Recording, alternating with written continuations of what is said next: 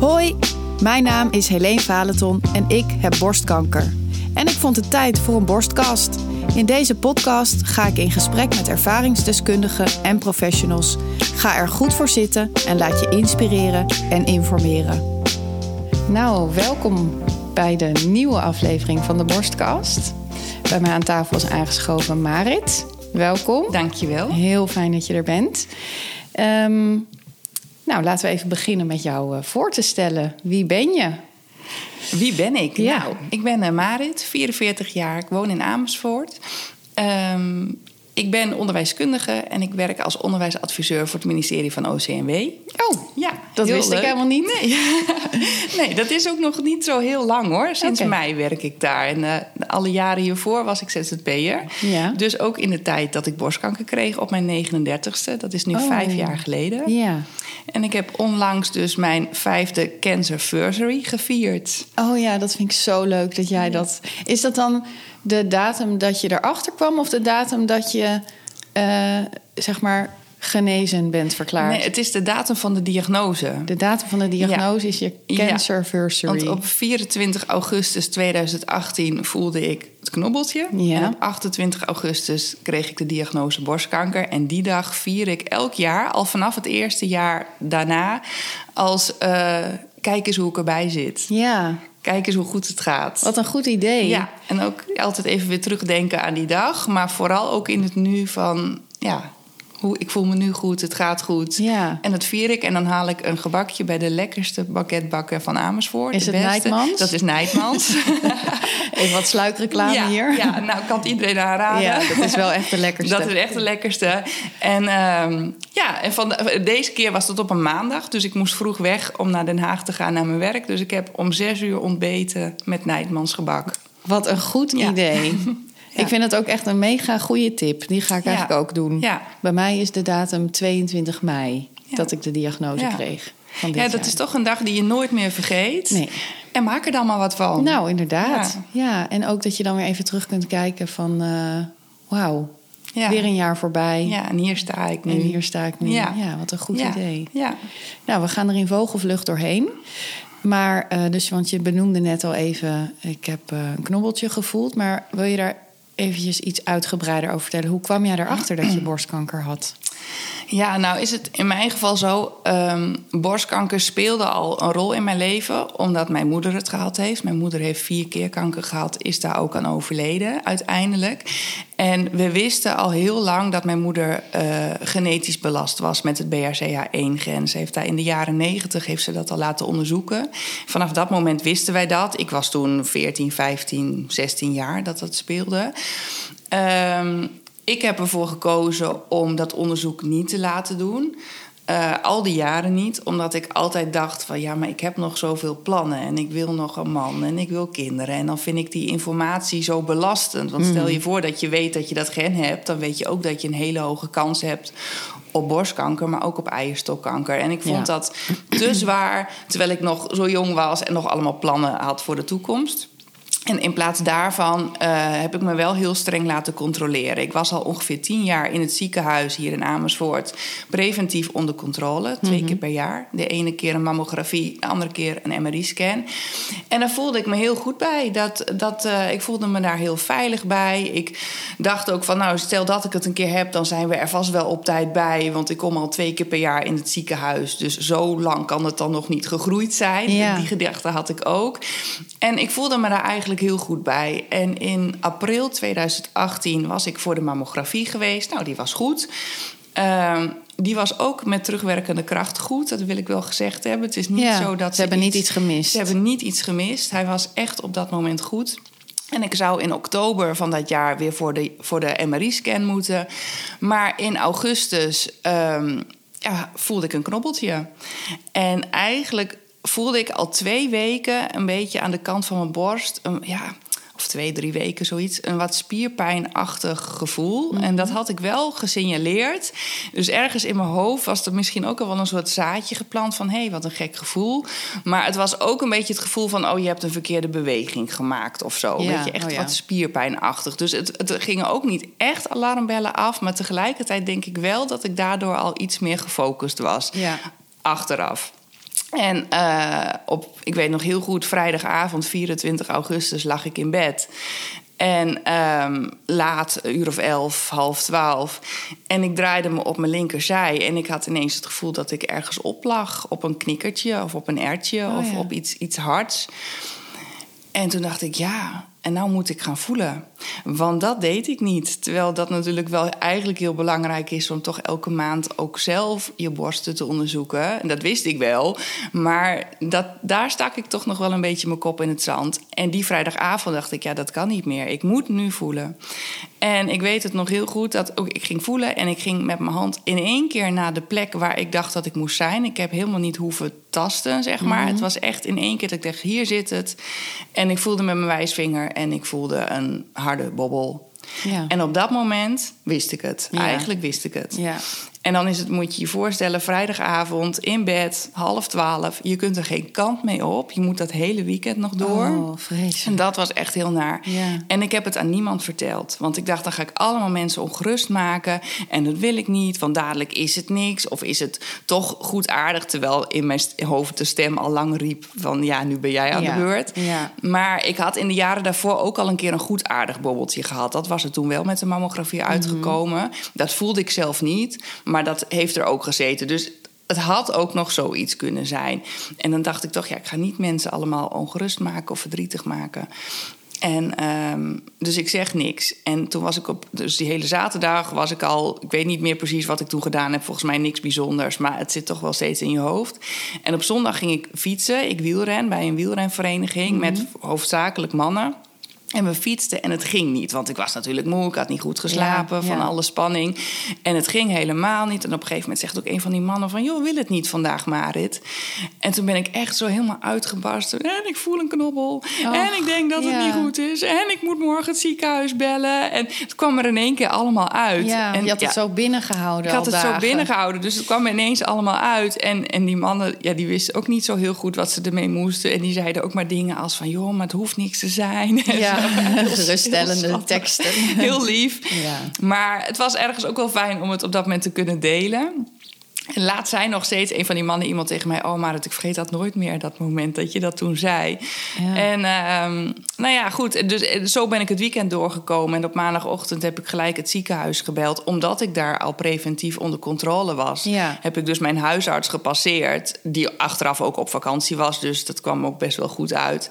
Rechtstreeks de mama poli gebeld. Daar kon ik op dinsdagochtend terecht. En dat was 28 augustus. En toen... eh, ja, toen was het heel snel duidelijk. En hebben ze toen een echo gemaakt of een eh, mammogram? Een mammografie en een echo. Oké, ja. Ja, en een echo. En ehm, ja, weet je, en zo ook die, diegene die die echo doet, die, die mag niet een uitslag geven of zo. Hè? Nee. Want daarvoor kom je echt weer terug bij de chirurg.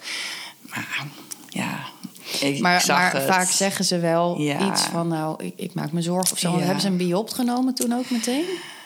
Ehm, ja, ik- dat hebben ze wel die dag gedaan. Ja, volgens mij hebben ze dat meteen gedaan. Ja. Ja. Ja. Ja, en toen kwam ik terug bij de chirurg. En toen was eigenlijk meteen de uitslag van... nee, dit is inderdaad niet goed. Dat had hij voor de echo ook al gezegd. Want daar, toen was ik al bij hem. En toen zei, had hij het gevoeld. En toen zei hij... ehm, hij zegt, we weten het niet. Het kan ook een goed aardig dingetje zijn. Dat heb je al eerder gehad. Hij zegt, maar ik heb hier geen goed gevoel over. Dat Nee. heeft hij wel meteen uitgesproken. Ja. En toen kwam ik dus na ehm, ja, de mammografie en de echo weer bij hem terug. En toen was hij daar met de mammacare verpleegkundige... die dan op dat moment ook meteen aanhaakt. En toen was de boodschap wel meteen... nee, dit is echt niet goed. Nee. Het is kanker. Eh, en we moeten nog ehm, ook de uitslag van het biopt en zo... die was op dat moment nog niet binnen. Dat zou in de loop van de dag komen. Ja. Dus ehm, nou ja, na dat eerste slechte nieuws... Toen moest ik, dat was 's ochtends, moest ik smiddags terugkomen... voor echt de definitieve uitslag. En, maar ja, ik wist al wel toen dat het kanker was. Ja. ja. ja, alleen wist je dan nog niet de details eigenlijk, Nee. hè? Van welke graad. Precies. En, welke soort. ja. En ja, dat, dat werd pas in de loop van die week echt duidelijk. Het ging wel allemaal heel snel, allemaal qua onderzoek. Want Mhm. Eh, ja, je hebt niet lang hoeven wachten. Nee. Ik heb eh, zelf de biopt is gelijk eh, na de echo genomen. En de dag daarna kregen wij de uitslag van Biopt. Dus wij moesten toch nog uh, 24 uur wachten daarop. Dat vond ik echt heel lang. Heel lang, ja. Maar jij kreeg hem dezelfde dag. Dezelfde dag. Ja. Ik moest die middag terugkomen. Wat heb je in die tussenuren gedaan? Uh, ik heb in het ziekenhuis al die ochtend mijn vader gebeld. Mm -hmm. uh, met de mama-care-verpleegkundige erbij. Eigenlijk wilde ik dat niet. Want ja, hoe ga je dat dan zeggen? Weet ja. je wel? Dat is, hoe dat ga je dit nieuws aan je vader Hoe ga je brengen? dit brengen? Mijn, ja. mijn, moeder was anderhalf jaar daarvoor overleden. Um, dat vond ik heel ingewikkeld. Ja. Dus ik zei ook, jij moet dat doen. En toen zei ze, nee, maar dat kan ik niet. Jij nee. moet dat doen. En uh, dus dat heb ik gedaan. En toen ben ik naar huis gegaan, gewoon alleen. Ik woon ook alleen. Um, en toen ben ik wel al gelijk de eerste mensen gaan bellen. Um, um, maar ook weer niet te veel. En in de tussentijd is mijn vader naar mij toegekomen. Die was toevallig voor zijn werk in Utrecht. En mijn ouders wonen in Twente. Ik kom uit Twente. Dus hij was veel dichterbij dan dat hij anders geweest zou zijn. Dus ja. die was er redelijk snel. En toen hebben we een stuk gewandeld. Toen zijn we naar uh, Baan gereden, naar Kasteel Groeneveld. En daar oh, hebben mooi. we een stuk gewandeld. Want ja. ja. je moet wat, want je zit uren te wachten. Ja. En ik weet nog heel goed, het was echt een bizarre dag. Want mijn bovenbuurvrouw was in die week daarvoor ook overleden. En het was de dag van haar uitvaart. En zij was ook overleden aan kanker. En wij kwamen terug, mijn vader en ik, van, van onze wandeling met de auto. En we reden de straat in en toen stonden zij net op het punt om te vertrekken richting het uitvaart of richting het crematorium. Dus de rouwauto was er en ik dacht alleen, we moeten hier weg. We moeten hier weg. Oh. Ik wil het niet zien. Nee. En ik, ik vind het ook, ik wil het ook voor hun niet verstoren. Ik vond het, dus toen zijn we nog een blokje omgegaan. Toen hebben we heel lang op een parkeerplaats bij het winkelcentrum gestaan. En nou, op een gegeven moment zei mijn vader, nou, ik denk dat we nu wel terug kunnen. Ja. nou, en toen zijn we teruggegaan en... Uh, ja, nou ja, en toen op een gegeven moment moesten we ook... Ja, nou ja, dan zit je wat en je eet een broodje en dat soort dingen. En op een gegeven moment moet je dan weer terug naar het ziekenhuis. en wat ik lastig vond, was dat uh, mijn vader het een beetje ontkende. Die zat nog heel erg van, ja, maar het kan ook nog wat anders zijn. Oh, Terwijl ja. ik s ochtends al gehoord had dat het kanker was. Dus ik moest steeds zeggen van, nee, maar het is al kanker, weet je. Dat weten we toch al. Ja. En, uh, en hij vond dat, vond, dat was heel lastig. En toen kwamen we smiddags terug in het ziekenhuis. En zelfs toen zei hij dat nog ook tegen de dokter. Van, uh, ja, nou, misschien is het wel iets heel anders. Oh ja, en dat hij eigenlijk echt niet nee. willen, niet eraan willen. En dat ik zei, nou maar pap, maar we hebben toch al gehoord dat het kanker oh, ja. is, weet je ja. wel. En uh, ja, ik was eigenlijk meteen vanaf het begin ook heel helder. En ook weinig emotioneel omdat ik denk ik, door alles wat wij thuis al hadden meegemaakt. Hè, mijn moeder werd voor de eerste keer ziek toen ik 14 werd, dus 14 was. Dus vanaf die leeftijd speelt kanker al een rol in ons leven. Heb ik denk ik altijd gedacht, ik krijg dat ook een keer. Ja, je hield er gewoon rekening Ik ben mee. nooit verbaasd geweest dat ik het kreeg. Ik ben wel verbaasd geweest door het moment omdat ik vier maanden daarvoor nog een goede mammografie ja. had. Ja. En nu bleek er een tumor te zitten van bijna drie centimeter met een uitzaaiing in de oksel. Zo. Dus dat is heel hard gegaan. Ja. Daar ben ik door verrast, door het moment. Maar niet dat ik borstkanker kreeg. Nee, nee, Nee. Want wat wist je verder toen de uitslag van die biopt kwam over het soort? En, uh... Ja, we wisten al vrij snel dat het triple negatieve kanker was. dus niet hormoongevoelig, niet eiwitgevoelig. Um, en snel groeiend. En snel groeiend, inderdaad. En um, nou ja, wat ik wel fijn vond, is dat je gelijk in het ziekenhuis een map mee kreeg met eigenlijk alle informatie die je nodig hebt. Ik mm -hmm. heb mij heel um, goed voorzien van informatie gevoeld. En ook heel weinig de behoefte gehad om zelf te gaan googlen. Ja. Dat heb ik wel eens gedaan. Nou, daar word je over het algemeen niet heel vrolijk nee. van. Hè? Want het is, ja, zeker als je zoekt op triple negatief, dan komt hij er toch wel vaak uit als: oh, dat is de engste en de snelste en de gevaarlijkste en de minst goed behandelbare. En, ja, want misschien is het goed om dat even ja. uit te leggen. Als het dus niet hormoongevoelig is en niet eiwitgevoelig, dan. Um, kan je dus met hormoontherapie niks doen. Nee. Of antihormonale therapie. uh, want daar reageert het niet op. En Klopt. ook niet met um, immuuntherapie. Klopt. Dan heb je eigenlijk alleen het klassieke aanbod, chemotherapie, Ja. operatie, bestraling. Ja. Ik heb het ook in die volgorde gehad. Dat, dat is ook nog wel eens wisselend hoor. Dat hangt denk ik ook af van de graad en Ja, van de je leeftijd. En weet ik niet wat voor factoren daar allemaal een rol in spelen. Ik weet wel dat er nu wel studies gaande zijn. En misschien is het al iets verder dan studies. Dat er bij bepaalde soorten of bepaalde gradaties of bepaalde uitzaaiingen. Ik weet niet precies hoe dat werkt. Toch ook immunotherapie wordt gegeven bij triple negatief. Maar dat was bij mij niet zo. Dus ik heb alleen de klassieke behandelingen gehad. En ja, dus je, je arsenaal aan opties is gewoon kleiner. Ja. Ja. ja. Ja. En we- weet je of dat ook hetzelfde was als bij je moeder? Mijn moeder had wel hormoongevoelige borstkanker. Dat, die heeft ook wel een tijd die antihormoontherapie eh gehad. Mhm. Maar daar is ze op een gegeven moment ook mee gestopt, weet ik. Ehm, dus ja, waarom ik dan weer een ander heb, dat Nee, weet dat is ik niet. bijzonder, Dat is wel bijzonder, ja. Ja. ja. ja. hey, en wij hebben, eh, net als dat ik met iedereen eh, even van tevoren natuurlijk contact heb gehad over nou, waar zou je het over willen hebben. Ja. Ehm, hebben we het gehad over een bepaald thema voor deze aflevering. En we hebben het net al heel even over je moeder. Ja. En dat je dus weet dat er, of je wist al dat er een gen in de familie zat. Ja. En je hebt er ook voor gekozen om dat wat meer uit te diepen en uit te leggen welke keuzes je daarin hebt gemaakt. Ja. Ehm, en je zei net in het begin dat in de jaren negentig al bekend was dat er een gen was. Het is echt vroeg. Ja. Ehm, hoe is je moeder daar eigenlijk achter gekomen dat zij dat gen had? Ja, mijn moeder kreeg op haar veertigste ehm baarmoederkanker. En ehm, ja, daar gingen toen wel de alarmbellen af. Want eh, eh, familieleden van mijn moeder, tantes vooral, eh, zijn jong overleden aan of eierstokkanker of borstkanker. Een tante die een hersentumor al overleefd had en ook borstkanker trouwens. Eh, haar eigen vader is heel jong overleden aan darmkanker. Dus er zit in die kant van de familie Zo, ja. gewoon heel veel kanker. Dus toen mijn moeder het kreeg op haar veertigste... gingen ook wel de alarmbellen af qua... nou ja, is het dan niet erfelijk? Ja. En eh naar aanleiding daarvan heeft zij genetisch onderzoek laten doen. Ik weet eerlijk gezegd niet meer of ze dat meteen gedaan heeft... of dat daar wat tijd overheen gegaan is. Ik denk dat laatste. Eh, maar ze heeft dat laten uitzoeken. En toen bleek dus dat ze BRCA1 eh, genetische mutatie had. Ja. En eh, eh, toen ze dat wist, heeft ze uiteindelijk, en hè, ook niet van de ene dag op de andere, maar uiteindelijk besloten om preventief haar borsten te laten amputeren. Haar Ja. eierstokken waren al verwijderd toen ze die baarmoederkanker had. Ja. Eh, en ze is op een wachtlijst geplaatst daarvoor, want ze was in principe gezond, dus ze kon op een wachtlijst. En dat is toen geloof ik ook nog een aantal keer uitgesteld. Nou ja, in ieder geval, terwijl zij op die wachtlijst stond voor die preventieve amputatie, voelde ze op een avond ook een knobbel. Nee, dat meen je En dat was vijf jaar na de baarmoederkanker, bleek ze borstkanker te hebben. Ja, Oh. dus ze had het al. Ja. Ja.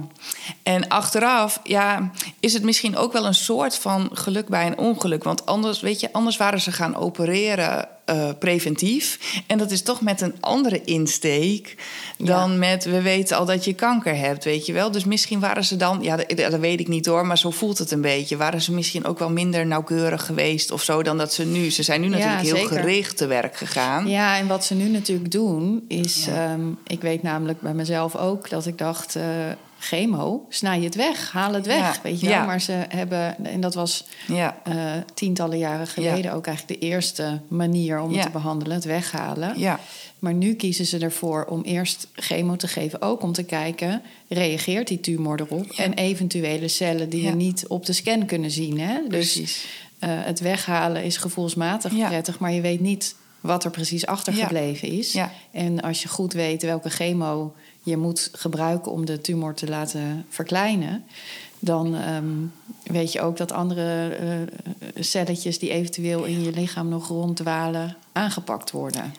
Nou ja, precies dat. En dat was toen in die tijd dus nog niet. Toen was er nog een ander behandelplan. Dus mijn moeder heeft Ja. geen chemo gehad. Die Oh, heeft geen chemo Nee, gehad? die heeft geen chemo gehad. Dat is nu ondenkbaar als je Ja. weet dat je die genetische belasting hebt.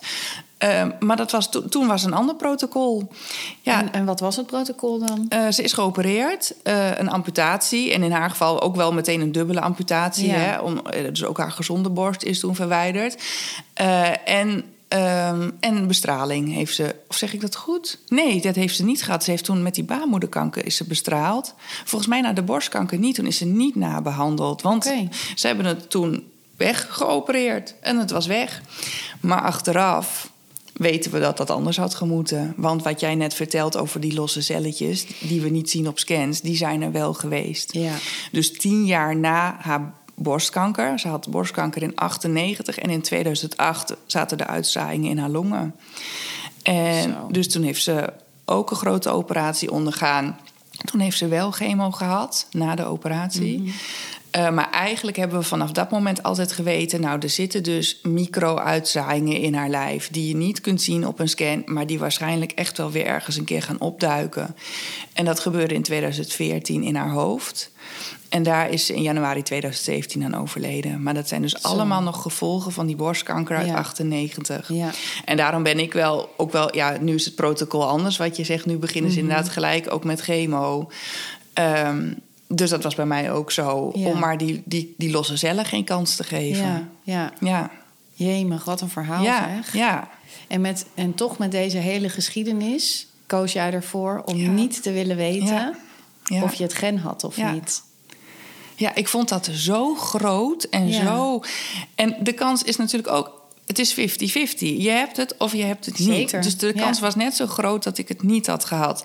Ehm, en dan ga, ga je met een hele grote opluchting door het leven. Weet Ja. je wel? Ik bedoel, dan heb, kun je nog steeds wel ziek worden, maar dan heb je niet meer kans dan de gemiddelde andere vrouw.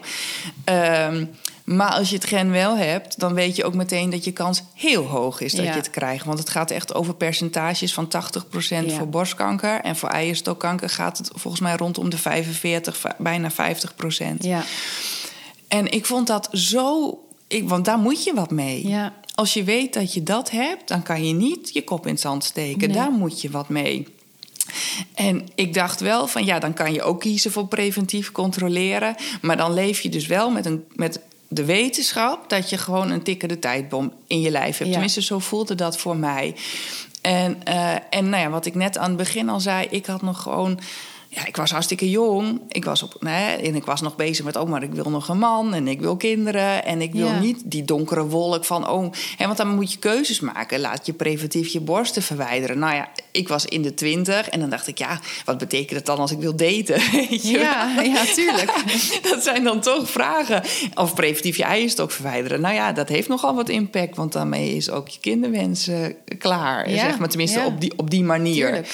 Ehm, dus dat vond ik gewoon te groot. Dus ik, ik, dat wilde ik niet. Dus ik, daarvoor heb ik gekozen om echt dan die controles te doen. En dat deed ik dus vanaf dat ik ja, tegen de 30 liep. Eh, to- toen ging het voor mij ook pas in mijn eigen hoofd spelen van... oh, maar ik kan het ook krijgen. Ja. Daarvoor was ik... Ik ben altijd bang geweest dat mijn moeder het weer kreeg... of dat iemand anders het kreeg. En het- ik betrok dat niet zo op mezelf. Nee. En toen ik tegen de 30 liep... toen kwam ook wel in mijn hoofd van... ja, maar nu kom ik op een leeftijd... dat ik misschien ook wel in de gevarenzone kom. Ja. En toen heb ik daar een keer met mijn toenmalige huisarts over gesproken. En nou ja, in het ziekenhuis met een chirurg daarover gesproken. En toen zijn we tot dat plan gekomen om twee keer per jaar die controles te doen. Nou ja, en daar voelde ik me ook eigenlijk heel goed bij. Ja. En ook achteraf, hè, want ik weet nu wel dat ik genetisch belast ben. Want op het moment dat de borstkanker geconstateerd werd, is ook meteen dat traject in gang gezet. Ja. Omdat dat bepaalt, eh, eh, of, of zeg maar, omdat dat richting gaat geven aan de keuzes die je maakt rondom Ja. je operatie. Ja. Ik bedoel, kies je voor een dubbele amputatie of niet, Ja. bijvoorbeeld. Ehm, dus toen moest ik, moest ik dat onderzoek wel doen. En toen, nou ja, toen bleek inderdaad dat ik ook dat gen had. Ja, wat niet meer als een verrassing kwam. Nee, dat hè? was geen verrassing. Want dat, dat, wordt dan, dat is een slecht nieuwsgesprek. En ik dacht alleen maar, ja, maar ja, dat wisten we nu toch al. Weet je wel, dat is toch geen verrassing meer. Dus ik was daar ook op dat moment vrij nuchter in. Ehm, maar ehm, nou ja, er vragen wel eens mensen van... had je niet achteraf wel willen weten dat je genetisch belast was? En mijn eerste antwoord daarop is nee. Het is goed zoals het nu gegaan is. Want Ja. ik heb wel al die jaren heel onbezorgd kunnen leven. Ja, je Want- staat daar nog steeds achter. ja, want ik vertrouwde 100% op die controles. Ehm, en ook van als het dan een keer gebeurt, dan zijn we er in ieder geval op tijd bij. Ehm, en ik denk dat ik, als ik zeg maar eind 20, rond de 30 geweest was, ik kon gewoon die keuzes nog niet maken die je dan wel had moeten maken. En ja, nou ja, dus dat, dat heb, die tijd heb ik gewonnen, zeg maar. Door Ja. die tijd onbezorgd te kunnen leven. De enige maar die ik daar wel soms bij heb, is. ehm, Ehm, nou ja, wat ik aan het begin al zei, ik, ik heb altijd een kinderwens gehad.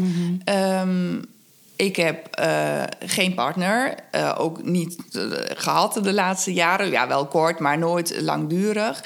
Ehm, en op een gegeven moment ben ik, toen ik ongeveer 35 was, ben ik gaan nadenken over solomoederschap. Want ik dacht, nou, als die man niet komt, dan wil ik in ieder geval wel een kind. En hoe ga ik dat dan doen?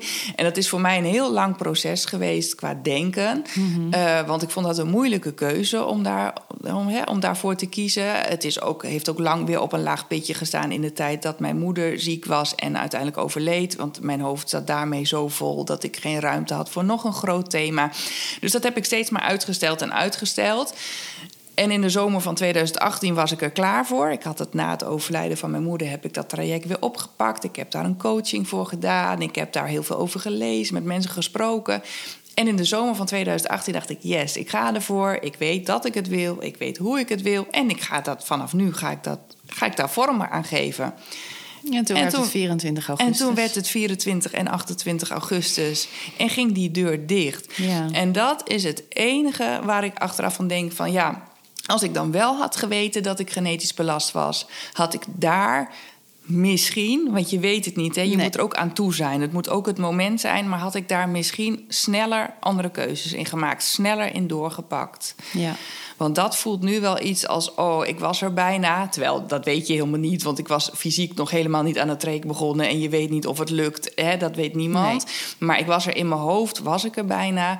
Ehm, en het werd me uit handen geslagen. Ja. Ja. en daar had ik, dat is het enige waarvan ik soms denk, ja, als ik dan wel geweten had van die genmutatie, ja, had ik daar misschien een andere keuze in gemaakt. En wat zou die andere keuze dan geweest zijn, denk Dan zou ik misschien sneller een traject ingegaan zijn om in mijn eentje zonder partner moeder te worden, zodat ik daarna mijn eierstokken kon laten verwijderen. Ja. Ja, ja, want dat is uiteindelijk ook gebeurd. Dat is uiteindelijk ook gebeurd, ja. Ja, ik heb uh, nadat ik mijn diagnose heb gekregen, eerst het chemotraject doorlopen. Nou, dat is precies hetzelfde traject als wat jij uh, momenteel doorloopt. Ja. Uh, die 16 chemo's. En daarna was de operatie gepland. En toen zijn, in, zijn eerst heb ik een kleine, ja, nou ja, kleine operatie gehad om mijn eierstokken te laten verwijderen, preventief dus. Ja. Uh, dat is fysiek een kleine ingreep, maar mentaal heeft dat natuurlijk best wel wat impact. Uh, ook omdat je dan ineens in de overgang ja, komt. Ja, ook fysiek hoor. Want ja. uh, je komt dan in de overgang. je komt in de overgang. Nou ja, de, de, deur naar een kind gaat dan definitief dicht. Uh, dat, dat vond ik best heftig. En twee weken daarna heb ik mijn borstoperatie gehad. Ja, dat was een dubbele amputatie. En dat was qua operatie veel groter. Maar qua impact voor mij veel kleiner. Daar ben ik helemaal niet, heb ik helemaal geen emotie over. Nog steeds niet. Dat nee. ik, ik dacht alleen maar haal het weg. haal het risico weg. Ik ben er klaar mee. Weet je dat? ja. ja. En mag ik vragen welke keuzes jij hebt gemaakt rondom de uh, operatie van je borsten?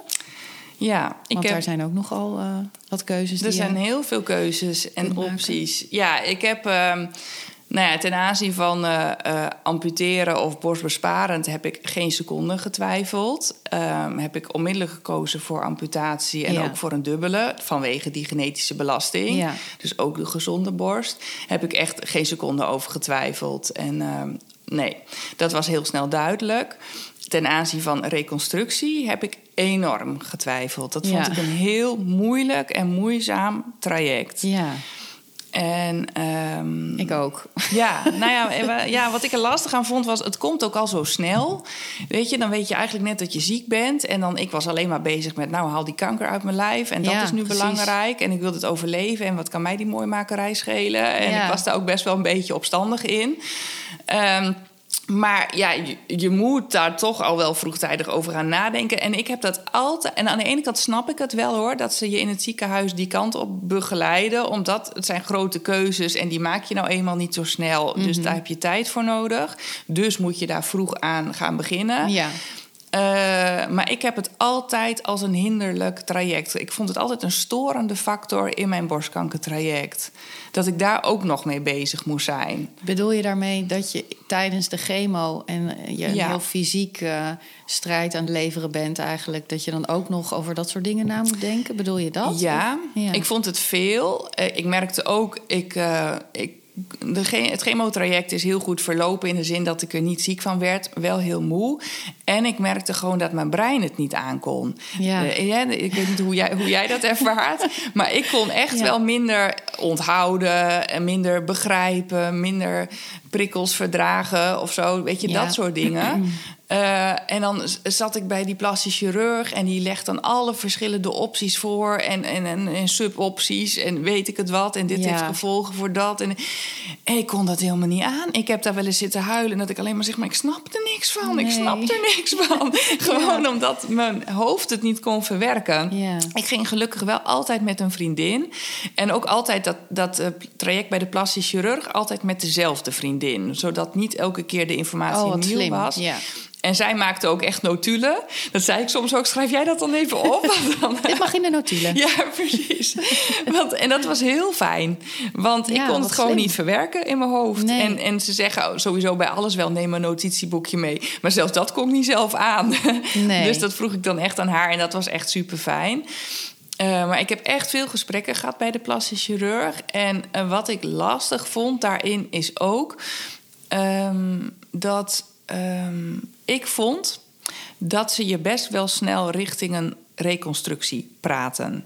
Terwijl ik mijn onderbuikgevoel heel erg zei: dat hoef ik allemaal niet. Nee. Laat mij maar plat. Dat is goed genoeg. Ja. Eh, ik hoef dat niet. En niet alleen maar omdat ik het op dat moment te veel vond, maar ook omdat ik dacht: ik, hoef, ik heb dat niet nodig voor mijn levensgeluk of zo. Nee. En eh, er komen dan wel allemaal onderzoeken op tafel die, hè, van vrouwen die dan wel meer levensgeluk ervaren op het moment dat ze wel kiezen voor een reconstructie. En daar wordt heel erg mee gewapperd. En ik, ik denk dat dat voor heel veel vrouwen ook zo is. Dus het is ook niet dat ik dat veroordeel of zo, helemaal niet. Nee. Ik vind, weet je, iedereen moet daarin zelf zijn keuze maken. En voor heel veel vrouwen is een reconstructie de beste keuze. Ja.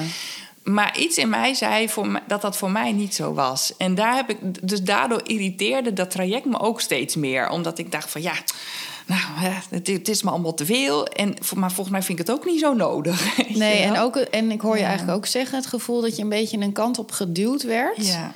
ja. Of in ieder geval eh, misschien niet geduwd, maar wel ehm, een soort van... weet je zeker dat je dat niet wil? Ja. aan Ja. het twijfelen gebracht aan je eigen Ja. gevoel misschien. Ja, dat. Ehm, om toch voor een reconstructie te gaan. En nou ja, dit is een cliffhanger van heb ik jou Ja. daar? Want heb je het gedaan of niet? Ehm, ja, ik heb uiteindelijk gekozen voor een reconstructie. Toch Nou, wel? Toch wel. Maar, er komt straks nog een maar. maar Nog een cliffhanger. Er komt nog een cliffhanger. ja, ik heb daarvoor gekozen. ehm, na heel veel gesprekken heb ik gekozen voor een reconstructie met siliconenprotheses. Ja. Want er zijn ook mogelijkheden om met eigen lichaamsweefsel hè, dat te doen. Gaan we ook nog een aflevering over maken. Ja, nou, daar was ik al heel snel van overtuigd dat ik dat niet ging doen. Dat is een vrij grote operatie. Daar zijn ze echt wel een uur of negen mee bezig. Ja, klopt, ja. En ik dacht echt, ja, jeetje, negen uur opereren. En dat doen ze dan met buikvet. En ik vond altijd dat ik heel, vind ik nog steeds, dat ik heel veel buikvet heb. en toen keek de plastisch chirurg ernaar en die zei, ja, het kan wel met jouw buikvet. Ehm, eh, want het ging bij mij natuurlijk om twee borsten. Ja. Maar ja, ja, het wordt dan nog wel, het wordt wel iets minder dan wat je had. Ja, ik ben hier heel nuchter in hoor, dus ik vertel hier heel makkelijk over.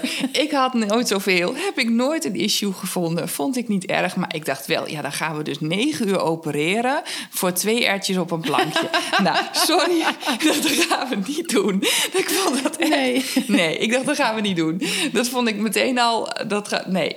Dus wat dan overblijft is eigenlijk siliconenprotheses. Ja. Er zijn natuurlijk inmiddels ook wel hè, mogelijkheden met lipofilling en weet ik het wat. Ja, maar dat, klopt. ja, dat, dat doen ze sowieso niet in dit ziekenhuis. Tenminste, op het moment dat dat bij mij speelde niet. En ik had daar ook allemaal geen zin in. Dus ik dacht, nou, dan gaan we maar voor die siliconenprotheses. Maar de, de beslissing heb ik echt genomen vanuit de gedachte... dan heb ik het in ieder geval geprobeerd. En Ja. dan hoef ik er ook niet meer over te twijfelen... Dan heb ik het geprobeerd, maar dat is dus niet een 100% overtuigde keuze van... nou, ik wil per se na mijn operatie nog borsten... of dat vind ik super belangrijk, dus ik wil een reconstructie. Nee, mijn motivatie was, dan heb ik het in ieder geval geprobeerd. Ja. En eh, nou, dat heb ik gedaan. Eh, dus tijdens de amputatie zijn er door de plastisch chirurg al tijdelijke protheses ingebracht. Van die tissue expanders heet dat. Ja. Dat zijn een tijdelijke protheses die ze in de periode na de operatie steeds een beetje gaan opvullen met vloeistof. eh, zodat je huid ook wat wordt opgerekt. En je huid dus wordt voorbereid ook op die definitieve reconstructie. Oké, Zodat- wist ik nog niet. Ja, dat is een mogelijkheid zodat het uiteindelijk zo mooi mogelijk gebeurt. En wat belangrijk is, ik moest nog bestraald worden na Maar mijn hoe vullen ze dat dan? Ja, dat vullen ze met, daar zit een openingetje in. En die vinden ze met een soort van ja, een soort magneetachtig iets. Ja, en, dat, en dan doen Ik ze kijk het nu met heel- een... Ja, je kijkt met grote ogen kijk je me aan. ja, ga verder. Ja, dat vullen ze ja, met een slangetje. Dat is niet pijnlijk of zo. Dat, maar ja, dat gaat zeg maar, ze prikken door je huid ze prikken in, die, dat aan. in die prothese en dan Ja. spuiten ze daar. Maar je in. huid is ongevoelig. Die voel je niet meer. Na, ja, dat is, ehm, dat is ook na een amputatie en ook na bestraling en zo. Dan, ja, je hebt gewoon niet echt gevoel meer in je huid. Het voelt Mm, ja. een beetje... Ja, ik vergeleek het vaak met een... Ja, hoe moet ik dat nou omschrijven? Een beetje alsof je voet slaapt. Weet je, snap Ja, je wat ja, ik dan bedoel? Ja. Nou, dat gevoel... Ja, dus het is niet helemaal verdoofd, beetje. maar. Nee, maar je voelt ook geen pijn. Nee, echt minder. En dus dat is op zich pijnloos. Ik vond het wel een beetje, want je voelt wel dat het wat strakker wordt. Hè? Want ze vullen Ja. die protheses, die worden groter. Ja. En dat trekt wat. Want het, en sowieso is dat gebied natuurlijk gevoelig, want dat is geopereerd geweest en weet ik het wat. Ehm, dus dat, voel- dat voel je wel, maar het is niet pijnlijk. En daarmee bereiden ze eigenlijk je huid voor op de toekomstige re- echte reconstructie. En ik moest nog bestraald worden. En bestraling op een, op een echte prothese is ook niet fijn. Want dan heb je kans dat het hard wordt en kapselvorming eh, optreedt. En dus, Wat is kapselvorming? nou, vraag me niet precies medisch wat het is. Maar het, het is een soort verharding van weefsel. Ja. Dus dan, er komt dan een soort harde ehm, laag over, nou ja, over je prothese of over rondom je, je littekens. Ik weet niet eens helemaal precies waar dat zit, maar dat proberen ze te voorkomen. Ja. Dus vandaar die tijdelijke tissue expanders. Dus ik moest elke keer moest ik weer terug naar het ziekenhuis om die dingen te vullen. En op dat moment dacht ik al, oh, ik vind het niks. Wat een gedoe. Ik vind het gedoe. ik zei op een gegeven moment, het- ik vind het wel groot genoeg. Nou, daar vond, keken ze me echt heel verbaasd aan. Dat ze dat Jij had het over ertjes. Dit zijn Ik dacht- ertjes. ja, ik dacht, want dat is ook een vraag die je krijgt in die reconstructie. Wil je een maat groter? En ik dacht alleen maar, hou op, weet je. Ik wil gewoon, als ik al iets wil, dan wil ik mezelf terug. Ja. En meer dan dat hoef ik niet, weet je. Het is goed zoals het is. En ik snap echt wel dat ze dat soort vragen stellen. En, en misschien moeten ze dat ook wel gewoon doen. En zijn, liggen daar ook kansen of zo voor vrouwen die dat wel graag willen. Maar ik dacht alleen maar, jongens, hou op. Ik vond het, ik vond het echt onzin. Ja, het roept bij mij eigenlijk ook wel iets op van... oh, dus groter is altijd mooier of beter. Of, eh, nou of ja. iedere vrouw wil dat. Maar ja, die aanname ligt er toch een soort van achter. En, ehm, nou ja, en ik had dat niet. Dus ik dacht op een gegeven moment ook van... nou, nu is het klaar met het vullen. Ik vind het echt groot genoeg, hoor. Ja, het is echt prima zo. Ja. Echt, ehm, maar goed, dat is toen gedaan. Nou, toen vervolgde mijn bestralingstraject. Nou, dat is verder niet heel spannend. Dat is ook heel goed verlopen. En een half jaar later, dat was in november, denk ik. Ja, november 2019. Ik was in begin juni heb ik mijn laatste bestraling gehad. Dus toen was ik helemaal klaar met het medische traject. Ja. Ehm, en, begin, of, en in, in november 2019 heb ik eh, de definitieve protheses gekregen. Ja.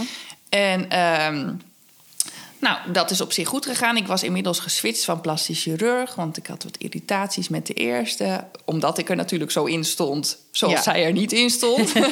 dat botste. Ja. Ehm, en toen ben ik overgegaan naar een andere plastisch chirurg-. Dat was op zich heel fijn. Hij heeft mij geopereerd en dat eh, is allemaal goed verlopen. En toen had ik protheses. En in eerste instantie was ik daar ook nog best wel blij mee. Want ik, het is wel heel makkelijk. Het is makkelijk met kleding. Het is makkelijk met ondergoed. Je hoeft geen speciaal duur prothese ondergoed te kopen. Maar je kan gewoon je BH bij de HEMA kopen. Weet je, vond ik allemaal heel makkelijk. Dus in die zin was ik er toch best wel blij mee. En het zag er oké uit. Het waren gewoon twee heuveltjes en het was netjes gedaan. En Ja. de littekens waren mooi. En, dus het zag er echt best wel oké uit. Maar gaandeweg kreeg ik er toch een slechter gevoel bij. Ik, uh, in de tijd dat ik, nou, je gaat dan op dat moment echt herstellen van alles wat er gebeurd is. En dat herstellen, dat, dat ging in eerste instantie supergoed en daarna weer wat minder. En ik, kreeg, ik behield toch wel wat klachten die ik zelf ging relateren aan de protheses. Dat is nooit medisch aangetoond. Daarvoor hebben ze er ook, zaten ze er ook eigenlijk veel te kort in. Hè? Je hoort wel dingen over die ziektes die je kan krijgen van protheses. maar dat gaat dan echt wel om vrouwen die al veel langer die dingen in hun lijf hebben. Maar ik dacht bij alles, ja, het, ik voel me gek, het voelt niet goed. Het en wat voor klachten had je dan? Had je last van? Vermoeidheid, vocht vasthouden, enorme haaruitval. Ik had echt, en ik was zo blij dat hè, ik had een mooi bossie haar. Hoewel ik dat kaal worden ook nooit zo erg heb gevonden, maar was ik natuurlijk wel weer heel blij dat ik wel weer een mooie bos haar had. En ik kreeg een hele mooie bos haar terug met heel veel krul ook. En dat ging op een gegeven moment ook weer heel erg uitvallen. Ik had last van mijn gewrichten. Ik had allerlei. Ik, ik zat er gewoon niet lekker in, zeg maar. En, en en ik had ook fysiek last van gewoon die dingen. Ja. Want ik merkte als ik in bed lag en ik draaide me om, dan lag ik erop. Als ik gewielrend had, wat ik heel graag doe, en ik had een beetje stevig geklommen en ze liggen achter je borstspier. Ja. Dus je borstspier ligt er overheen. En, de, en ik had stevig geklommen en stevig aan mijn stuur getrokken. Dan deed dat pijn. Dan had ik daar echt nog wel een hele dag of twee dagen last van. Dat ik denk, ah, het, zit, het voelt niet goed. Ik heb pijn. Hmm, dus dat ging me ook irriteren. En ik dacht op een gegeven moment, dit is het me gewoon allemaal niet waard. Ik wil er vanaf. Ja. Ik wil ze weer laten verwijderen. Nou, dan moet je opnieuw een heel gesprek, een traject in. Want dat is niet zomaar gedaan. Want dan wordt dat moet echt. Ja, terwijl ik echt dacht. Een soort van, weet je het wel zeker? Uh, weet je het wel zeker? Hier moet je echt heel goed over nadenken, Marit. We gaan over een maand nog een keer met elkaar praten. En ik dacht, jongens, wat een tijd gaan we hier weer aan besteden. Ja. Want ik weet het toch al. En ik snap ook dat. Ik snap echt, want natuurlijk, het is wel, weet je, het is wel een verandering. Ja, en, en ik denk dat op zich goed is dat je dit niet heel impulsief allemaal doet. Dat denk ik ook. maar ik, het voelde voor mij niet als impulsief, omdat ik eigenlijk terugkwam bij dat gevoel wat ik vanaf het begin af aan al had. Ik heb dit niet nodig. Nee. En dat, uh, de, maar het is inderdaad wel goed hoor, dat daar serieus naar gekeken wordt en dat daar de tijd voor genomen wordt. En uh, ik weet nog heel goed dat ik op een gegeven moment had ik echt, ik had echt heel goed nagedacht en ik had echt bedacht, ik ga dit, ik, ze moeten eruit. Punt. Ja. Maar ik wist, mijn plastic chirurg die was eigenlijk niet enthousiast over. Dus ik had een afspraak met hem. En ik weet nog dat ik toen tegen een andere dokter heb gezegd: van oh, ik moet daarheen volgende week. En ik moet echt, ik moet munitie verzamelen. En ik moet daar. Dus ik was, zo ging ik erheen. Echt klaar voor de strijd. Want ik dacht, ik moet nu gaan vechten voor wat ik wil. En ik zei, nou, ik heb nagedacht en ze moeten er echt uit. En toen zei hij: Oké, dan gaan we dat doen. dus dat was echt uiteindelijk. En ik zei echt: Oh, oh, ik was helemaal want ik was klaar om te strijden. Ik stond al op de barricade van we gaan dit even op mijn manier doen. En hij ging heel prima akkoord, want hij voelde ook wel aan dat ik er echt goed over had nagedacht. En dat ik echt gewoon niet om te praten was en dat dat ook niet nodig was. En uh, dus toen is dat gepland en toen zijn ze eruit gegaan. En ik voel me daar vanaf de eerste seconde heel erg goed bij. Ja, want je hebt daarna dus niet nog iets anders gedaan. Ik heb dus niet nog iets anders dus gedaan. bij jou nu plat. Het is plat. Ja. Ik hoorde laatst iemand zeggen, die noemde dat niet plat, maar die noemde het egaal. Dat vond ik eigenlijk oh, best wel een mooi woord. Zelf zeg ik eigenlijk wel altijd plat. Um, maar toen dacht ik, nou, voor vrouwen die dat misschien te pittig vinden klinken of te hard vinden klinken, is egaal natuurlijk best een heel mooi woord. Um, maar dat, dat ben ik en dat, uh, dat is helemaal goed zoals het is. Ja. En ik ervaar niet minder levensgeluk. Nee, je kwaliteit van leven is nee, nog kwaliteit van leven hetzelfde. is, nou, is eigenlijk alleen maar misschien wel beter... omdat ik gewoon ook die fysieke klachten niet meer heb. Hè. Sowieso niet van dat ze er zitten en dat ik het gevoel had dat ik erop lag en, ja. en dat. Uh, maar in mijn beleving zijn ook andere klachten echt een heel erg um, minder geworden. En er zijn dokters die denken dat dat een psychisch effect is. Maar dan denk ik, een psychisch effect is ook een effect. Ja, dus dat precies. is prima, weet ja. je. Ik voel me er gewoon goed Volgens bij. mij loopt er nu een heel groot onderzoek naar ja. uh, uh, siliconenimplantaten. Omdat uh, het effect daarvan moeilijk aan te tonen is. Um, ik heb er iets over gelezen op de NOS volgens mij. Maar dat is, dat is nog gaande. Ja, ja. ja klopt. Ja. Ik ben ook wel in Amsterdam nog in het ziekenhuis geweest... waar ze ook dat onderzoek doen. Ja. Er zijn een aantal artsen daar heel intensief mee bezig. En het lastige ook van die... Uh, ziekte die je van protheses kunt krijgen, is ook, het is niet aan te tonen. Het is niet, je kunt niet bloed prikken en dan eh, En wijst dat uit. Dan, hè, het zijn gewoon allemaal klachten die mogelijk van protheses komen. Maar het zijn ook klachten die op het lijstje staan van naweeën van een chemotraject. klachten die passen bij de overgang. Klachten die passen bij schildklierproblemen die ik ook heb, weet je. Dus het is heel moeilijk om Ja. echt te zeggen van... hé, hey, het komt daarvan. Ja, dus niet een soort één op één. En eh, ik denk eerlijk gezegd, rationeel gezien in mijn geval, dat het ook niet van die protheses is gekomen. Maar ik zat er wel de hele tijd over na te denken. En daar wilde ik ook vanaf. Ja, dat dat je je steeds ik. af moet Ja, vragen van... hé, hey, zou het niet toch daarvan komen? Ja. En dat heeft mij heel veel rust gegeven. Dus ik ben daar vanaf. Ik ben daar helemaal happy mee. Dus het is goed. Nou, wat fijn. Ja, ja, ja. Wat fijn dat je daarin toch. ehm, dat vind ik mooi om te horen dat je vanaf het begin af aan al een bepaald gevoel ha- Ja. had. En dat je daar, eh, nou ja, via een omweg, Ja. weliswaar, maar toch bij terug bent Ja. gekomen. Ja, en ik heb geen. Oh, het is ook niet zo dat ik spijt heb van die omweg. Want anders had ik Nee. misschien toch heel vaak nog gedacht: oh, had ik het niet toch Precies. moeten doen? Ja, dit is gewoon hebben ze niet gewoon geweest. gelijk? Zij spreken veel meer vrouwen dan ik die dat hebben. Weet je wel Ja, dat? ja. En Dus dit is gewoon mijn weg geweest en het is een prima weg. Ja, Ja. mooi. hey, en ehm, heb je verder nog broers of zussen die ook een keuze moesten maken rondom dat genetisch, eh, rondom dat gen? Want het is jouw keuze geweest, maar heeft ook impact op Ja. familie. Ja, ik heb, eh, ik heb een jongere broer. Eh, ja, die is er, voor zover ik dat ook weet, want het is niet iets waar wij veel over praten, niet echt mee bezig. Ehm, hij heeft dat niet laten uitzoeken. Ehm, hij heeft wel een dochtertje, dat, mijn nichtje is nu acht. Eh, en wat ik in ieder geval heb laten doen. ehm, ik heb in, de- in het UMC in Utrecht, waar dat genetisch onderzoek gedaan Ja. is. Eh, daar lagen ook de gegevens van mijn moeder van destijds. Alleen had ik daar geen toegang toe. Mijn vader heeft daar schriftelijk eh, toestemming voor moeten geven. Ja. Dat ik toegang had tot die gegevens. Of dat de artsen die gegevens mochten gebruiken. Ook in mijn genetisch onderzoek. Ja. Eh, nou, dat heeft hij gedaan, dus dat is gebruikt. En toen dacht ik, ja, ik wil niet dat mijn nichtje ooit in een situatie komt dat ze wel dingen zou willen weten. En dat ze dan geen toegang heeft tot mijn dossier. Dus ik heb meteen schriftelijk vast laten leggen dat ik die toegang geef. Dat Oké. zij of wie ook van mijn familie daar altijd bij moet kunnen. En Ja. dat daar niet een drempel ligt. Want ja, ik weet niet. Ik bedoel, ik kan ook onder een bus komen. Ga ik niet vanuit, maar je weet het niet. Ja. En dan, dan vind ik dat dat vast moet liggen. Dus Ja. dat is wel geregeld. En zij is nu acht, dus dat is nog niet iets wat nu speelt. Maar misschien komt zij op een gegeven moment op een leeftijd... dat ze daar wel iets mee zou willen. Ja, of en daar dan, vragen over gaat Of daar stellen, vragen ja. over gaat stellen. En dan, eh, dan is er dus een brief...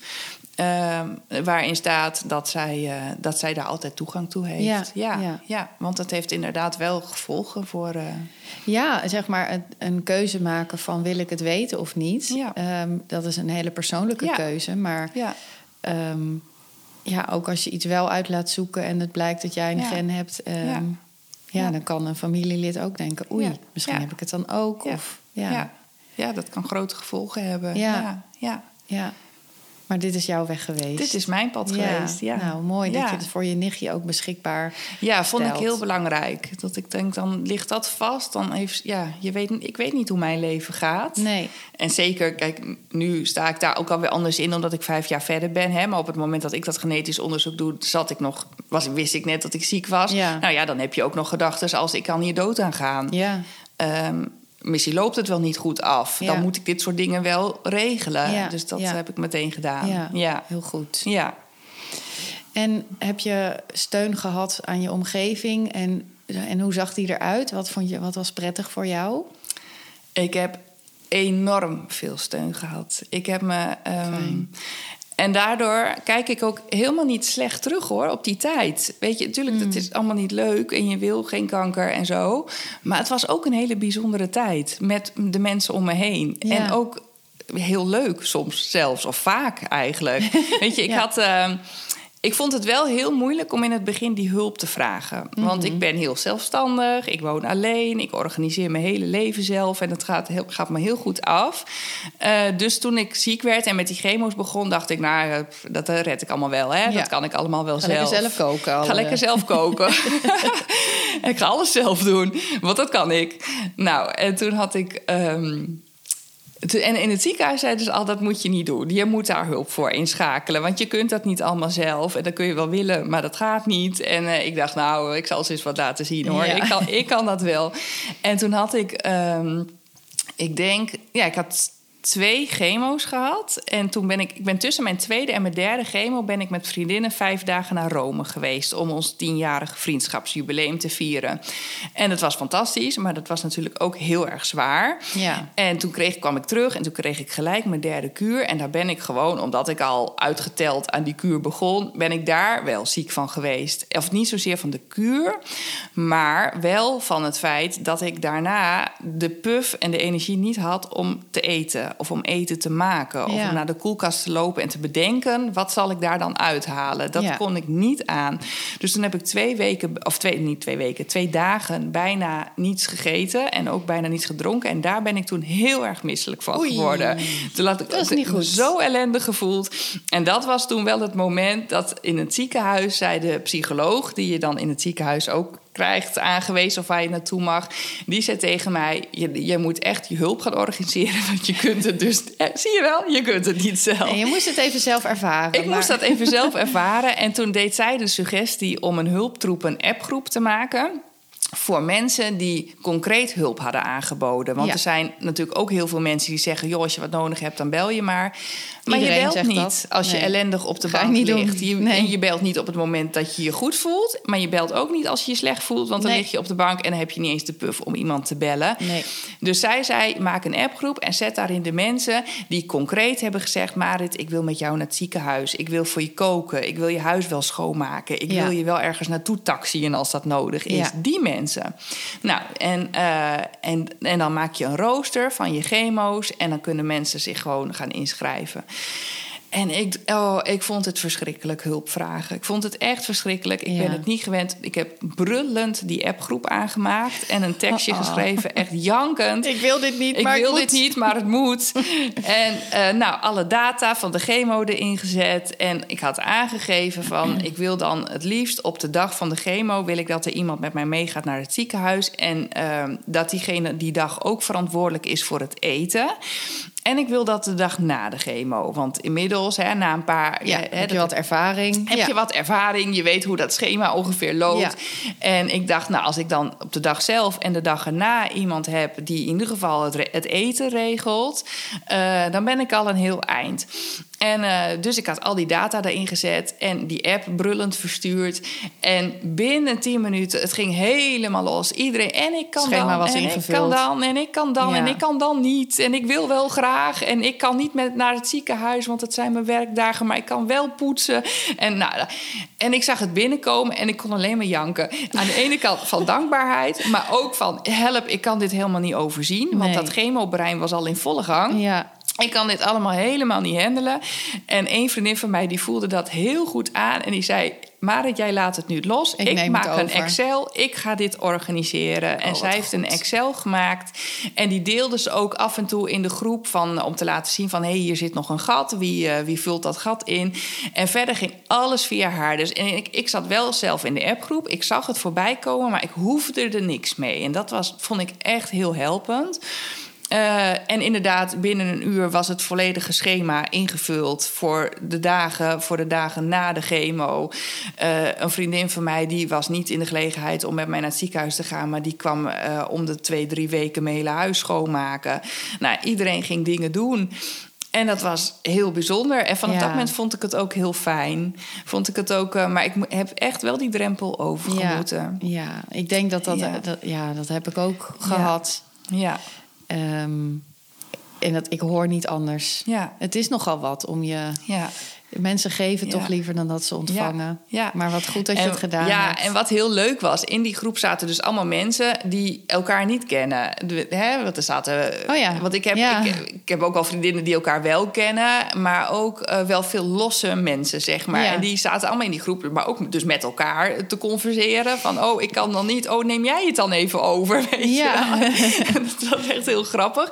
En eh, eh, ik deelde daar ook wel mijn updates, zeg maar, mijn medische updates. En daar, daar, ja, daar werd ook al zo meegeleefd en zo. eh, dat was heel fijn. En toen ik eh, in juni 2019 klaar was met al mijn behandelingen... toen had ik dus ook de bestraling achter de rug... en ik werd diezelfde maand 40. En toen heb ik een heel groot feest gegeven. Ja. En daar waren dus ook alle hulptroepen. Hè, zo noemden we ook de appgroep, de Ja, hulptroepen-appgroep. Zo heet hij bij ons ook. En toen heb ik in mijn eh, speech, ik heb daar gespeech... en toen heb ik ook gezegd, ook zou het zo leuk vinden... als jullie elkaar een beetje opzoeken vandaag. Want jullie hebben ook zo intens met elkaar in die groep gezeten. Wat een samenwerking en, is het en geweest samengewerkt. eigenlijk. En Ja. heel veel mensen kennen elkaar niet eens. Dus toen gingen ook... Een, sommigen deden dat wat minder, maar er waren er ook bij... die gingen dan alle picknicktafels... we zaten hier bij Zandvoort aan de Eem in het Zand... en Oh, die gingen al die picknicktafels langs van... zijn hier nog hulptroepen? Dan kom ik even kennis maken. Ja, dat, is, dat vind ik zo leuk. Ja, ja. daar geniet ik enorm van. Ja. En dat gebeurde eigenlijk dat hele traject. En ook als mensen dan met me meegingen naar de chemo... en dan zit je daar, nou ja, een aantal uur... En in mijn geval echt soms wel heel lang. Want ik kreeg ook nog soms een extra chemo erbij. En ik heb vier keer een bloedtransfusie gehad tijdens mijn chemo's. En dat gebeurt dan op diezelfde Was dag. je HB te laag? Ja, mijn Oh. bloed was echt niet eh, goed. En we moesten Oei. wel door, zeg maar. Ja. Dus ik heb echt vier keer een transfusie gehad. Och, nou, dan zit je, echt, zit je bijna een hele dag in het Ja. ziekenhuis, hoor. Met al dat spoelen en alles tussendoor. En dan gingen we naar huis. En dan, en dan zeiden mensen soms heel voorzichtig van... eh, ja, ik vind het een beetje gek om te zeggen... maar ik vond eigenlijk best wel gezellig. En dan zei ik, nou, ik vond het hartstikke leuk, zei ik dan. Dat je mee was en dat we zo lekker zijn bijgepraat. En, eh, Ja. ja. ja, dus dat waren ook wel bijzondere dagen. Ja. Ja, en, en soms mensen weten soms gewoon niet wat, ook wat ze moeten. Maar wat mij daarin helpt is. Ja, ik ben zelf heel open. Dat merk je nu ook. Dat, maar dat ben ik ook altijd geweest. Eh, ik kan heel goed ook over die kanker praten. Ook toen ik midden in het traject zat. En dat kan ik ook. Dat is dan niet een drama en met tranen en emoties. Hoewel ik ook heus wel eens heb gehuild. Maar, eh, en dat maakt voor andere mensen de drempel ook lager. Ja, klopt. En bijvoorbeeld mensen in mijn fietsgroep gaven dat wel eens aan. Van ja, omdat jij er eigenlijk zo makkelijk over praat, was het ook heel makkelijk om jou te benaderen. Ja, ja. Want, dan, hè, want dat is dan niet eng, omdat je soms weet je misschien niet hoe, hoe een patiënt dan reageert. Maar ja, ze weten dat ik daar heel goed op reageer. zeg Ja, maar. Dus precies, dat maakt ja. het ook voor mensen makkelijker om hulp te bieden of om je te benaderen. Of Ja. om, ja, dat, vond, dat hielp mij. Het moet natuurlijk wel ook dus daarin bij je passen en een beetje je karaktereigenschap Ja. zijn dat je er makkelijk over praat. Want dat is natuurlijk heel verschillend per persoon. Zeker. Maar dat heeft jou in ieder geval Dat geholpen. En ik denk je omgeving ook. Dat het dus mak je was heel ehm, ja, makkelijk te bereiken. Ja, toegankelijk, ja. ja. en wat ik soms wel lastig vond in communicatie... ehm, en dat, dat, volgens mij is dat ook al in een eerdere podcast... volgens mij kwam het in de eerste podcast aan de orde... over eh, dat mensen... ze willen heel vaak positieve dingen tegen je zeggen. Dus ze zeggen continu, hou je sterk en blijf positief. Ja. Dat is fijn en dat is lief bedoeld. En dat, ik was ook positief en ik was ook sterk... en ik was ook heel vaak heel vrolijk... Maar ik was af en toe ook heel erg bang. Ja. En ook heel erg verdrietig. ja, en waarom moeten we altijd maar positief blijven? Nou, dat, ik, dat vond- en dat- zelf nogal moeite mee. Ik ook. En dat vond ik soms, weet je, ik, had, ik was heel positief, maar ik was ook soms heel bang. Je hebt een ziekte in je lijf waar je ook dood aan kan Ja, gaan. Want, ja. En je weet niet of die behandeling aanslaat. En, en daar ga je allemaal wel van uit, want daarvoor begin je eraan. Maar dat weet je niet. En af en toe ja, had ik wel de behoefte om me ook even aan die angst over te geven. Ja. En bijvoorbeeld, heel concreet, om te gaan googlen op uitvaartondernemers of zo. Ja. Weet je wel? Omdat ik dacht, ja, stel dat het misgaat. en dan moet ik niet zo'n muts van de Dela, weet je. Dan wil ik iemand die snapt hoe ik leef en wat ik... Dus dan had ik gewoon behoefte aan. En dan vertelde ik dat wel eens aan iemand. En dan zeiden mensen, ja, maar zo moet je niet denken. Zo moet je niet denken. Je moet positief zijn en je moet... En moet dat- helemaal niks, denk en ik ik dan. voelde me dan soms zo eenzaam. Ja, en op een gegeven moment ben ik dat gaan uitspreken. Heb ik dat ook wel tegen een aantal vriendinnen gezegd. Van ja, maar dat maakt mij heel eenzaam in mijn angst. Ja, En ik ben over het algemeen vrolijk en positief en sterk. Maar soms ook even niet. En, eh, en die namen dat heel serieus. En die, en daar ging echt een, een, een, hoe zeg je dat, een luikje open of zo. Van hé, hey, zo hebben we daar helemaal nooit bij stilgestaan. nee, ik denk dat het ook een, eh, heel erg het ongemak van de ander kan zijn. Ja. Eh, Ja. Om het heel spannend te vinden Ja. om samen bang te zijn en, en daarnaast te gaan staan. En dat we heel erg de neiging hebben als mensen om het eh, te compenseren of er iets positiefs tegenover te zetten. En dat is heel lief. Ik, ik voel dat ook heel erg als. lief bedoeld, maar ehm, niet altijd wat ik nodig heb. Nee. En toen ik dat had uitgesproken, toen is dat ook veranderd. En toen Nou, werd- goed dat was je. heel fijn. Ja. ja. Ja, en ook, maar- en, en dat is, je moet gewoon ook ruimte nemen en ruimte vragen voor die angst. Want die Ja. mag er ook zijn. Ja, want die is er. Die heeft Die echt is er. iedereen. Maar ook dat heb ik, dat moet ik er wel bij zeggen, ook wel van die psycholoog een beetje geleerd. Mhm. Want ik had eh, naar mezelf toe was ik ook wel streng hoor. Dat ik dacht, ja, zo mag ik niet denken. Dat had ik in het begin heel erg. Zo mag ik niet denken. Ja. Ik moet positief denken.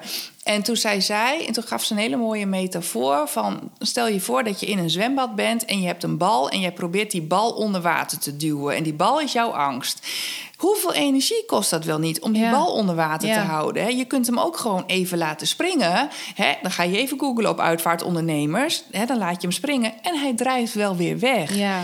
En dat is ook precies wat er gebeurt. Want ik blijf, bleef niet hangen in dat soort angstgedachten. Nee, en net als dat je niet altijd in je, in je Nee. positiviteit kunt blijven hangen, Nee. blijf je ook niet altijd in je. Maar juist door er even hangen. ruimte aan te geven, Ja. kabbelt het ook weer weg. En ga je weer verder met iets Ja, anders. dat is een mooie tip eigenlijk. Ja, ook, vond hè? ik een hele mooie gedachte. Ja. Ja. ja. Mooi. Hey, tot slot. ehm, ik heb nu een aantal afleveringen opgenomen en die zijn ook al te beluisteren. En daar krijg ik heel veel reacties op.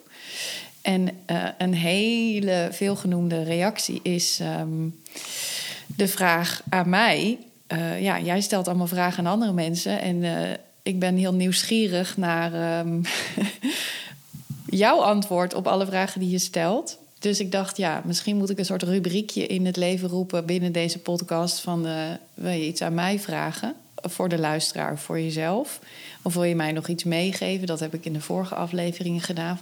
Nou, ik denk dat ik in al een aantal tips heb gegeven die voor mij heel helpend zijn geweest. Ja. In de zin van die hulptroepen-appgroep die jij nu ook al hebt. Ja. Ehm, en dat ruimte geven aan je angst. Wat ik, wat ik nog zou kunnen noemen is. ehm, jij zit ook als specialist aan tafel. En dat vonden Mhm. sommige mensen heel gek. Dat ik benoemde dat heel erg zo. Want heel veel mensen hebben ook nog zoiets van... oh, de dokters, die weten het en die weten alles... en die ga ik volgen. En, ehm, en natuurlijk, zij weten ook heel veel. Maar ik heb altijd ge- het gezien als mijn team. En ik zit ook in dat team. En daar zit een specialist die alles weet van kanker. Er zit iemand die alles weet van opereren... van radiotherapie, van weet ik veel wat. En ik ben specialist op het gebied van Marit. Ja. Ja. Dus dat is Wat wel. goeie, ja. en dat heb ik ook echt altijd zo benoemd. En ik merkte dat met name soms wat oudere mensen vonden dat heel gek. Want die, die plaatsen dokters dan misschien toch nog iets hoger op een voetstuk of zo. Terwijl ik heb ook heel veel respect voor mijn dokters. Dus dat is het niet. Ja. Maar ik ben ook specialist. Ja. Ik weet alles van Marit. En van hoe Marit leeft. En van wat Marit belangrijk ja, vindt. en ook hoe je leven. reageert op eh, medicatie ik- of zo. ja. Daar hadden we het even in het voorgesprekje over. Dat Ja. eh, je krijgt echt een, een apotheek aan pillen Ja. mee. En iedereen reageert daar weer een beetje anders op. En ik ging maar deed het braaf slikken wat eh, de specialist mij voorschreef. Totdat ik vorige week zei, ja, ik heb hier en hier toch wel een beetje Ja. last van. En zij zei, maar je mag daar ook zelf een beetje mee kijken wat voor jou werkt. Hè? Dan, dan neem je misschien een halfje of... eh, eh, en overleg het met ons en bespreek het met ons. Maar ehm, het is jouw lijf. Ja. En jij mag kiezen voor bijwerkingen of van Ja. het een of van het ander. Want je krijgt pillen van de bijwerkingen tegen de bijwerkingen tegen de bijwerkingen. Zo, zo gaat het nou eenmaal. En toen dacht ik, oh ja, inderdaad. Ik doe altijd maar braaf wat me wordt opgedragen Ja. eigenlijk. Of wat er in het pillenschema staat. Maar ehm, je mag daar ook zelf keuzes Ja. in maken. Dus dat is een hele goede om mee Dus te dat geven. vind ik echt, en dat geldt voor alles. En dat was bijvoorbeeld ook in dat reconstructietraject. Op een gegeven moment wordt er gesproken over het gebruiken van een rugspier. Die ze dan Ja. over de protheses leggen. Nou, dan wordt het, wordt het nog mooier of wat dan ook. En ik dacht, ja, maar hallo, die rugspier die zit er niet voor niks, toch? Die heb ik toch gewoon nodig? En, en toen zeiden ze van, nee, maar dan kan je gewoon alles nog... en daar heb je geen last van. En ik dacht, ja, maar wat is voor mij belangrijk in mijn leven? Wat wil ik weer als Ja. ik straks beter ben? En het eerste waar ik aan dacht was, ik wil weer op die wielrenfiets. Ja. Ik wil dat kunnen. Ik wil weer gewoon op een gegeven moment een alp kunnen beklimmen. Ja. Wat ik voorheen ook kon. Dan heb ik volgens mij die spier nodig. Dus dat gaan we niet doen. Nee, precies. Weet je dat. En zo maak je, ge- En zo- voor zichzelf de Ja. keuze. de ja. keuze. Wat is voor jou belangrijk? Wat past bij jou? Wat is, eh, nou, wat jij zegt, hoe reageer jij op dingen? Ja. En dat zit hem dus in, de- in de keuzes rondom medicatie, rondom de operatie, maar ook in de hulp die je nodig hebt. Ja. En ook nee kunnen zeggen tegen dingen die niet bij jou passen. Ja. Dus jij bent de specialist Helene. Van, toch? ja, je hebt helemaal gelijk. Ja, Super. Ja. Hey, heel erg bedankt voor je komst. graag En je, gedaan. eh, jij je bedankt. inspirerende verhaal. En Ik vond het leuk. eh, ja? Ja. Nou, wat fijn. Ik Ja. ook. Ik vind het echt eh, heel fijn hoe je verteld hebt over je hele traject. Ik denk ook dat het weer heel inspirerend kan zijn voor andere vrouwen. Ik hoop ehm, het. Ja, nou, ik weet het wel zeker. Dus bedankt. Graag gedaan. Veel dank voor het luisteren van deze aflevering. In de show notes is meer informatie te vinden over het thema dat we besproken hebben. Laat een berichtje achter in de comments en laat vooral weten wat je ervan vond. En geef deze podcast sterren. Dat helpt ons om meer bekendheid te krijgen. Wil je meer weten over de Borstkast en onze gasten? Volg ons vooral op Instagram en zoek op de Borstkast. Liefs, Helene.